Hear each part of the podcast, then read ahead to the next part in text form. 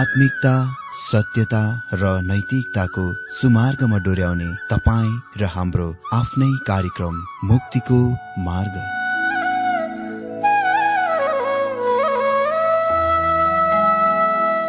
आदरणीय श्रोता यस मुक्तिको मार्ग कार्यक्रममा हार्दिक स्वागत छ। आशा छ यस आत्मिक कार्यक्रमद्वारा जीवनमा आत्मिक आशिष अलौकिक शान्ति र आनन्द प्राप्त गर्नुहुनेछ। र जीवनमा धन्य अनुभव गर्नुहुनेछ। आउनुहोस् श्रोता मन र आत्माको तयारीको लागि यो मिठो अनि मधुर भजन गीत सुनौ। हे दाजु भाइ हे दिदी बहिनी हे दाजु भाइ हे दिदी बहिनी आऊ हामी सबै मिलेर सुखो गुणगान आऊ हामी सबै मिलेर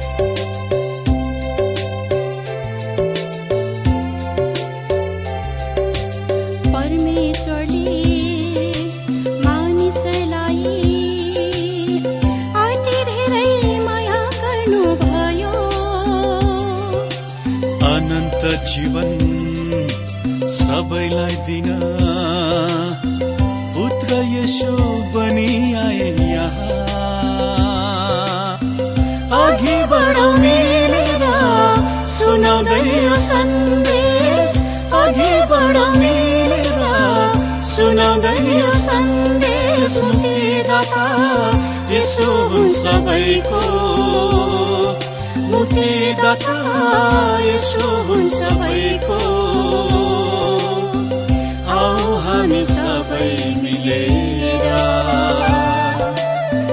गाउँ है सुको गुणगान। हे दाजु भाइ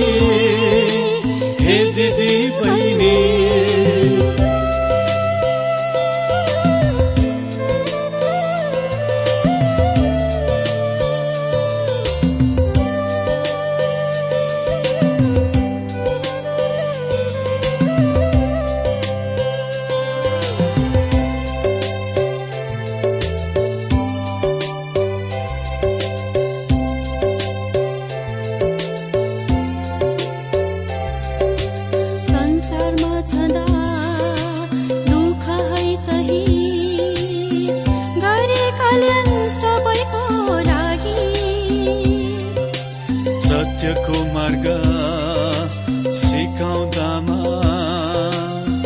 सजाय उनले क्रुसको पाए। यो थियो उनैको प्रेमको सन्देश।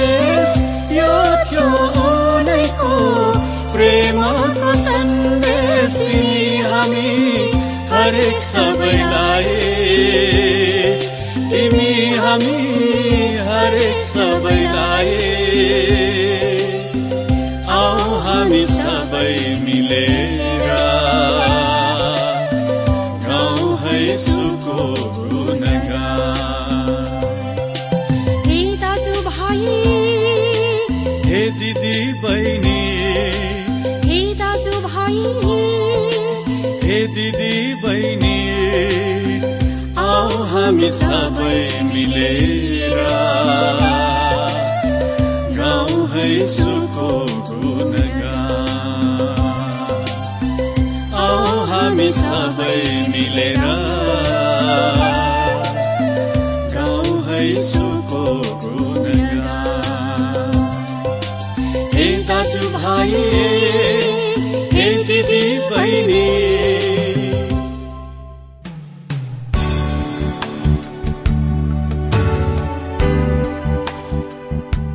श्रोता यो प्रसारण मार्फत यो अवगत गराउन चाहन्छौ कि प्रभुको सेवाको लागि यहाँहरूको साझेदारी नित्यन्त आवश्यकता छ।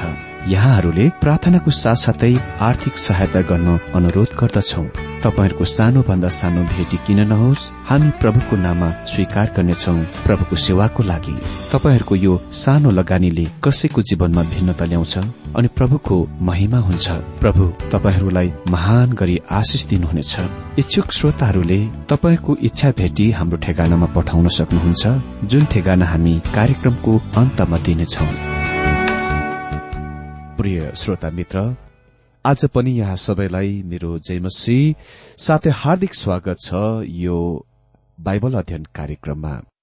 श्रोता म आशा गर्दछु तपाई सबै आनन्द कुशलै हुनुहुन्छ होला। म पनि प्रभुको अनुग्रहमा आनन्द कुशलै छु। र तपाईँहरूको समक्ष आज पनि यो बाइबल अध्ययनमा भाग लिन वा तपाईँहरूलाई केही कुराहरू सिकाउन तयारीको साथ आइपुगिसकेको छु।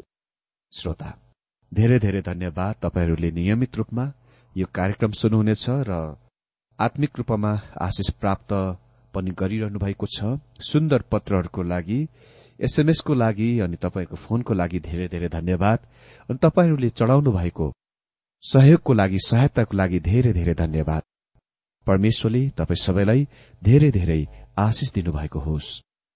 श्रोता आज हामी पवित्र धर्मशास्त्र बाइबलको क्रमबद्ध र श्रृंखलाबद्ध अध्ययनको क्रममा प्रकाश सात अध्यायबाट अध्ययन गर्न गइरहेका छौं। अनि आज हामी यस सात अध्यायको पृष्ठभूमि परिचय भाग मात्र देख्नेछौ।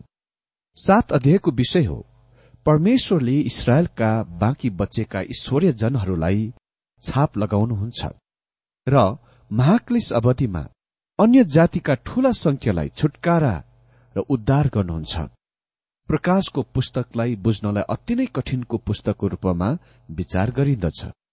कोही कोही भन्छन् कि यो खालि धेरै दर्शनहरूको निरर्थक कुरा हो। जुन संसारदेखि बाहिरका कुराहरू हुन् र जुनको कसैले बुझ्न सक्दैनन्। यो मेरो दृढ विश्वास हो कि यो पुस्तक धेरै तर्कसंगत छ र अति नै साधारण तरिकामा विभाजन गरिएको छ। जुनको कसैले पनि चुकाउन सक्दैनन्। मिस गर्न सक्दैन। यदि हामी केही अनुच्छेदहरूमा फस्छौं र प्रतीकहरू निकाल्न कोसिस गर्छौं र तिनीहरूलाई हामीले चुन्न सक्ने कुनै प्रणाली वा विधिमा फिट गर्न कोसिस गर्छौं भने तब हामी खास समस्यामा पर्न गइरहेका छौं। त्यसको सट्टामा बरु युहनालाई नै भन्न दिउँ कि हामी कहाँ छौं र हामी कहाँ जानुपर्ने? कसरी जानुपर्ने? हामी अहिले त्यो खण्डमा छौं जुनलाई प्रभु येशुले महाक्लेश अवधि नाम दिनुभयो। यो समय अवधि मण्डलीले पृथ्वी छोडिसकेपछि मण्डलीले त्यसको काम पूरा गरिसकेपछि र त्यसलाई प्रभुसँग हुनलाई स्वर्गीयमा उठै लगिसकिएपछि मात्र स्थान लिनेछ म सोच्दछु कि यो केवल यथोचित निष्कर्ष मात्र होइन तर व्यक्तिगत रूपले विचार पनि गर्दछु कि यो एकदम स्पष्ट छ। केवल यहाँ मात्र होइन तर शास्त्रमा हरेक पानामा हरेक स्थानमा हरेक जग्गामा पत्रुसले दोस्रो पत्रुस एक अध्ययको बीस पदमा भने पवित्र शास्त्रको कुनै पनि भविष्यवाणी आफ्नो निजी व्याख्याबाट आएको होइन भएको होइन।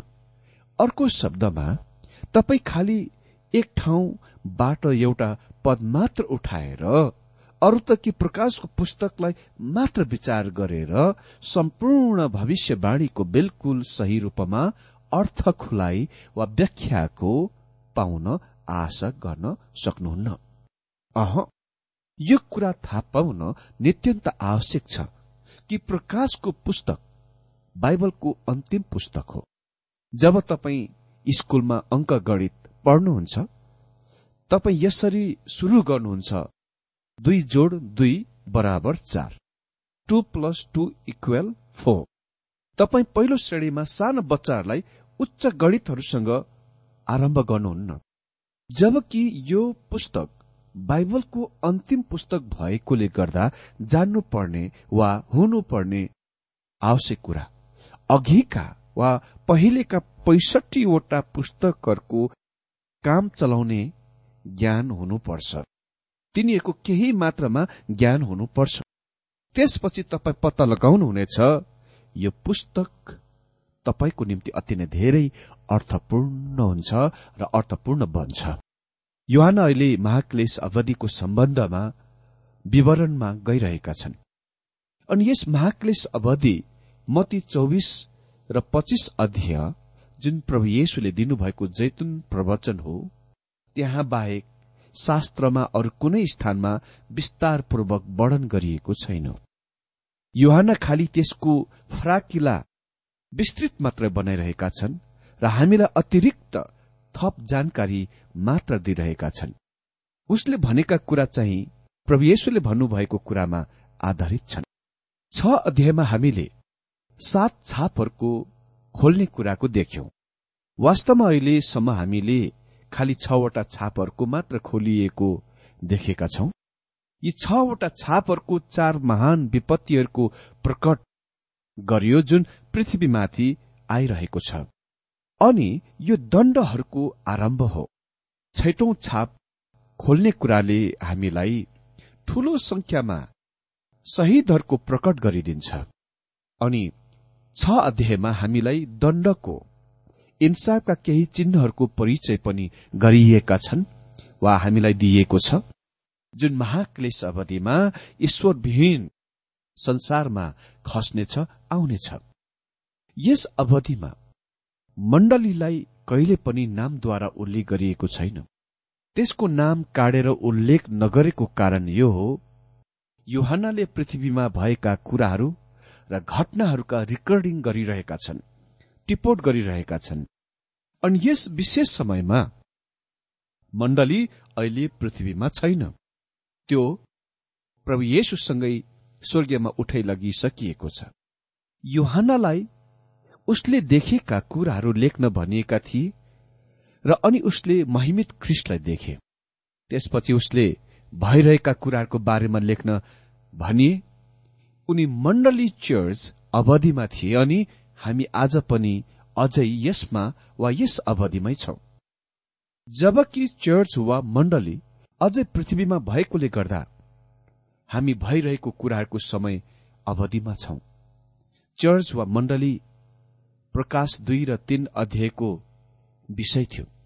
अर्थात् एफिससमा भएको मण्डली स्मरणमा भएको मण्डली र प्रगाममा भएको मण्डली थ्याटिरामा भएको मण्डली इत्यादि।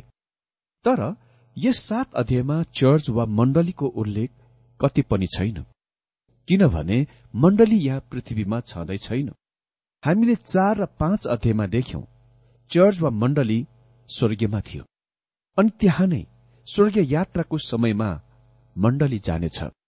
म पछिबाट यस कारणसँग व्यवहार गर्नेछु। किन मण्डली महाक्लेश अवधिमा जान सक्दैन? यदि चर्च वा मण्डली क्लेशको अवधिमा प्रवेश गर्नु परे त्यो वास्तवमा नैतिक र धर्म विज्ञान सम्बन्धीको समस्या छ। त्यसकारण विषय परिवर्तन भएको छ। र अहिले हामी चर्च वा मण्डली नभएर अरू कुनै अर्को विषयको कुरा गरिरहेका छौं। हामीलाई सात छाप मारिएको पुस्तकको परिचय गरिएको छ र छापहरू हटाइए। अघि वा पहिलेका छ ध्येमा छवटा छापहरू हटाइएका छन्। चार घोडचडीहरू महान क्लेशवधिको परिचय गर्दछन् अनि सात छापहरूले त्यो सात साल अवधिको सम्पूर्ण समग्र तस्विर दिन्छ। अन्तिम छापले चाहिँ महाक्लेश अवधिको अन्तिम साढे तीन वर्षसम्म अवधिको ओगर्दछ मित्र यस बिन्दुमा पृथ्वीको एक चौथाइ जनसंख्या दण्डमा इन्साफमा नाश गरिन्दछ मृत्युमा नष्ट गरिन्दछ। मलाई निश्चय छ जसले यो प्रकाशको पुस्तक पढिरहेका छन् यस तथ्यको थाहा पाउनेछन् कि यो अवधिमा भएर पार गर्न अति नै कठिन हुन गइरहेको छ। विशेष गरेर ती मानिसहरूको लागि जो परमेश्वरतिर फर्केका छन् ख्रिस्टलाई ग्रहण गरेका छन् र उहाँको लागि उभिएका छन्। प्रश्न उठ्छ के विश्वासीहरू उहाँको लागि यो अवधिमा उभिन सक्नेछन् त?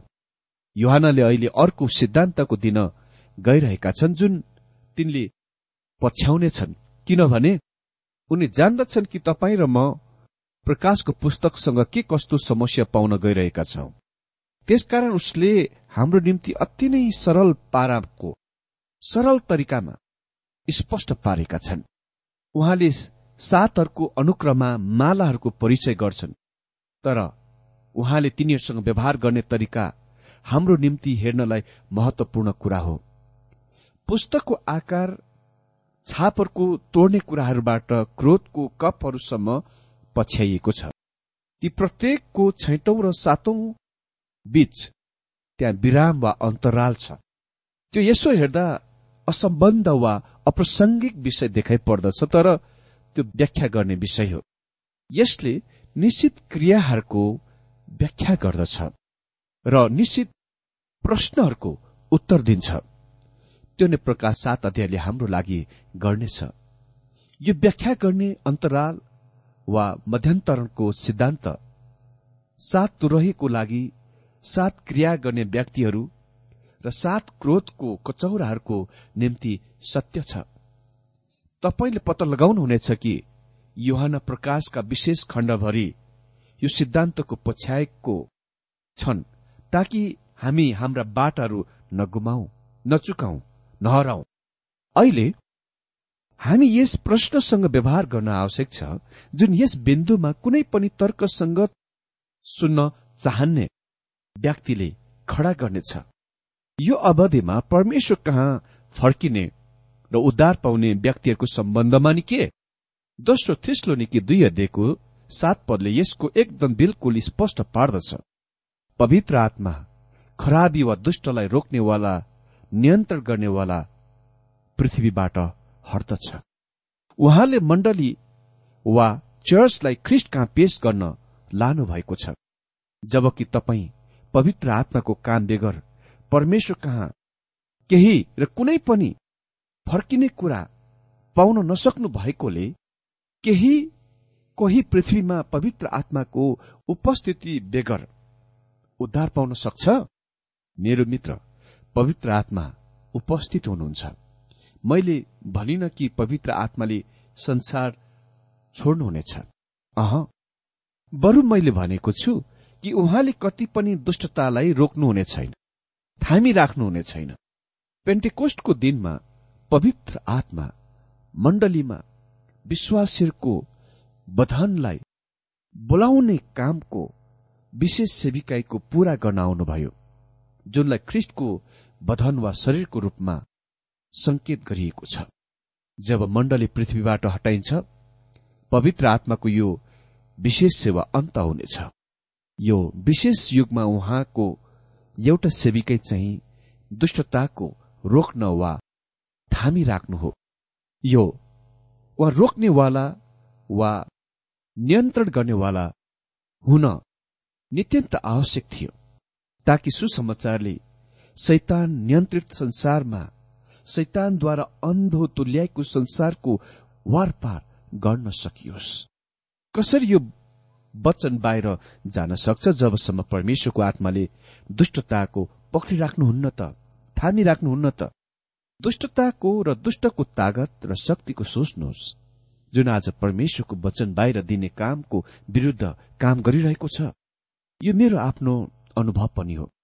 हाम्रो शत्रु शैतानले परमेश्वरको वचन बाहिर दिने कामको रोक्नलाई विभिन्न विघ्न बाधाहरू हालिरहन्छन्। त्यो यस कामको लागि सधैँ व्यस्त हुन्छ। त्यो चाहँदैन कि परमेश्वरको वचन बाहिर गएर त्यसले काम गरेको। यसले हाम्रो रेडियो कार्यक्रममा पनि कहिले कहीँ यस्तो काम गर्दै आएको छ। त्यसले कहिले स्टेशनमा गडबडी गरिदिन्छ? कहिले कहीँ हाम्रो रेडियो सेटमा गडबड गरिदिन्छ कहिले कहीँ वचन सुन्न अरुचि हाम्रो मनमा र दिमागमा हालिदिन्छ।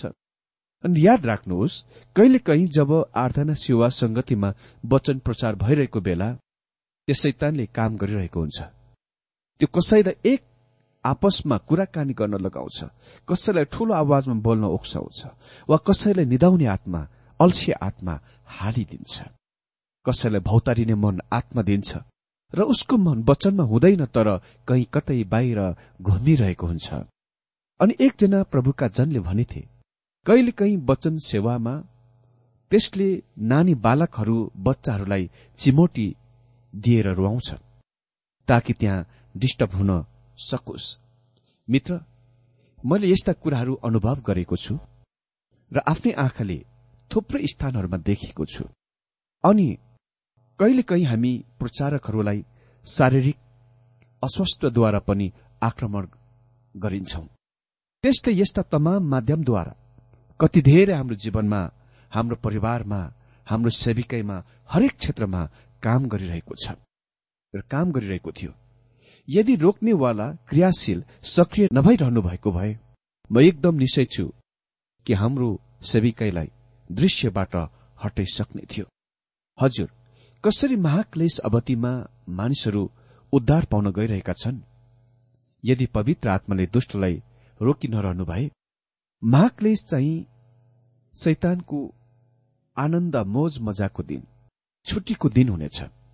त्यो नै दिनमा त्यसले बिल्कुल पूर्ण स्वतन्त्रता पाउन गइरहेको छ र त्यसले जे गर्न मन लाग्छ वा चाहन्छ त्यो गर्न सक्छ। हामीले देख्नेछौ कि किन? परमेश्वरले त्यो स्वतन्त्रताको प्रदान गर्नुभएको त। यो ख्रिस्टलाई इन्कार गर्न अस्वीकार गर्न संसारमाथि परमेश्वरको दण्डको अवधि हो। तब के महाक्लेश अवधिमा कोही पनि उद्धार पाउन सक्छ? मेरो श्रोता म विश्वास गर्दछु त्यस अवधिमा अति नै ठूलो भीड़को भीड़ जमातहरूले उद्धार पाउन गइरहेका छन् जस्तो कि विश्वको इतिहासमा कुनै अर्को सात वर्ष समय अवधिमा त्यति ठूलो संख्याले उद्धार पाएको छ त्यस्तो पाउने छैन। प्रकाश सात अध्यायले हामीलाई भन्न गइरहेको छ। बताउन गइरहेको छ कि कसरी त्यसले स्थान लिनेछ त। पवित्र आत्मा मण्डली स्वर्गीयमा उठाइ लगिएपछि पनि संसारमा हुनुहुन्छ जस्तो कि वा पेन्टिकोस्टको दिनभन्दा अघि वा पहिले पनि संसारमा हुनुहुन्थ्यो। पुरानो नियम पढ्नु भए तपाईँ पत्ता लगाउनुहुनेछ कि परमेश्वरको आत्मा त्यस बेला वा पुरानो नियमको समयमा पनि पुरूष र स्त्रीहरूको जीवनहरूमा र हृदयहरूमा कार्य गरिरहनु भएको थियो। धेरै संख्यामा मानिसहरू परमेश्वर कहाँ आए फर्किए तर उहाँले त्यस बेला संसारमा दुष्टताको रोकिरहनु भएको वा थामिरहनु भएको थिएन। अनि उहाँले पुरानो नियममा विश्वासीहरूलाई ख्रिस्टको बदनमा बत्तीसमा दिइरहनु भएको थिएन। मतलब त्यसमा गाविरहनु भएको थिएन। त्यो नै आज उहाँ गरिरहनु भएको छ। तर त्यो सेविकाईको अन्त हुनेछ। एक दिन समाप्त हुनेछ।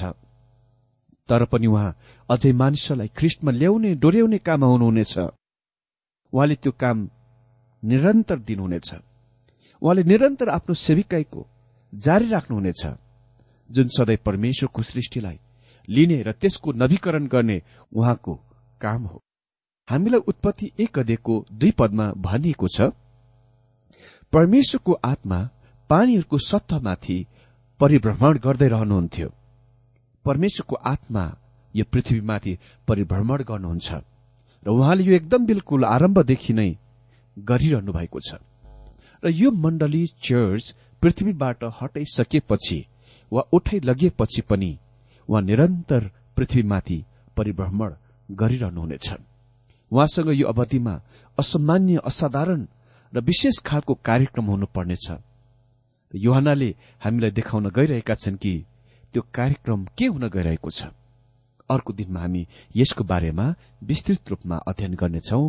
प्रभु आजको यो बाइबल अध्ययनद्वारा हरेकलाई धेरै धेरै आशिष दिनुभएको होस्।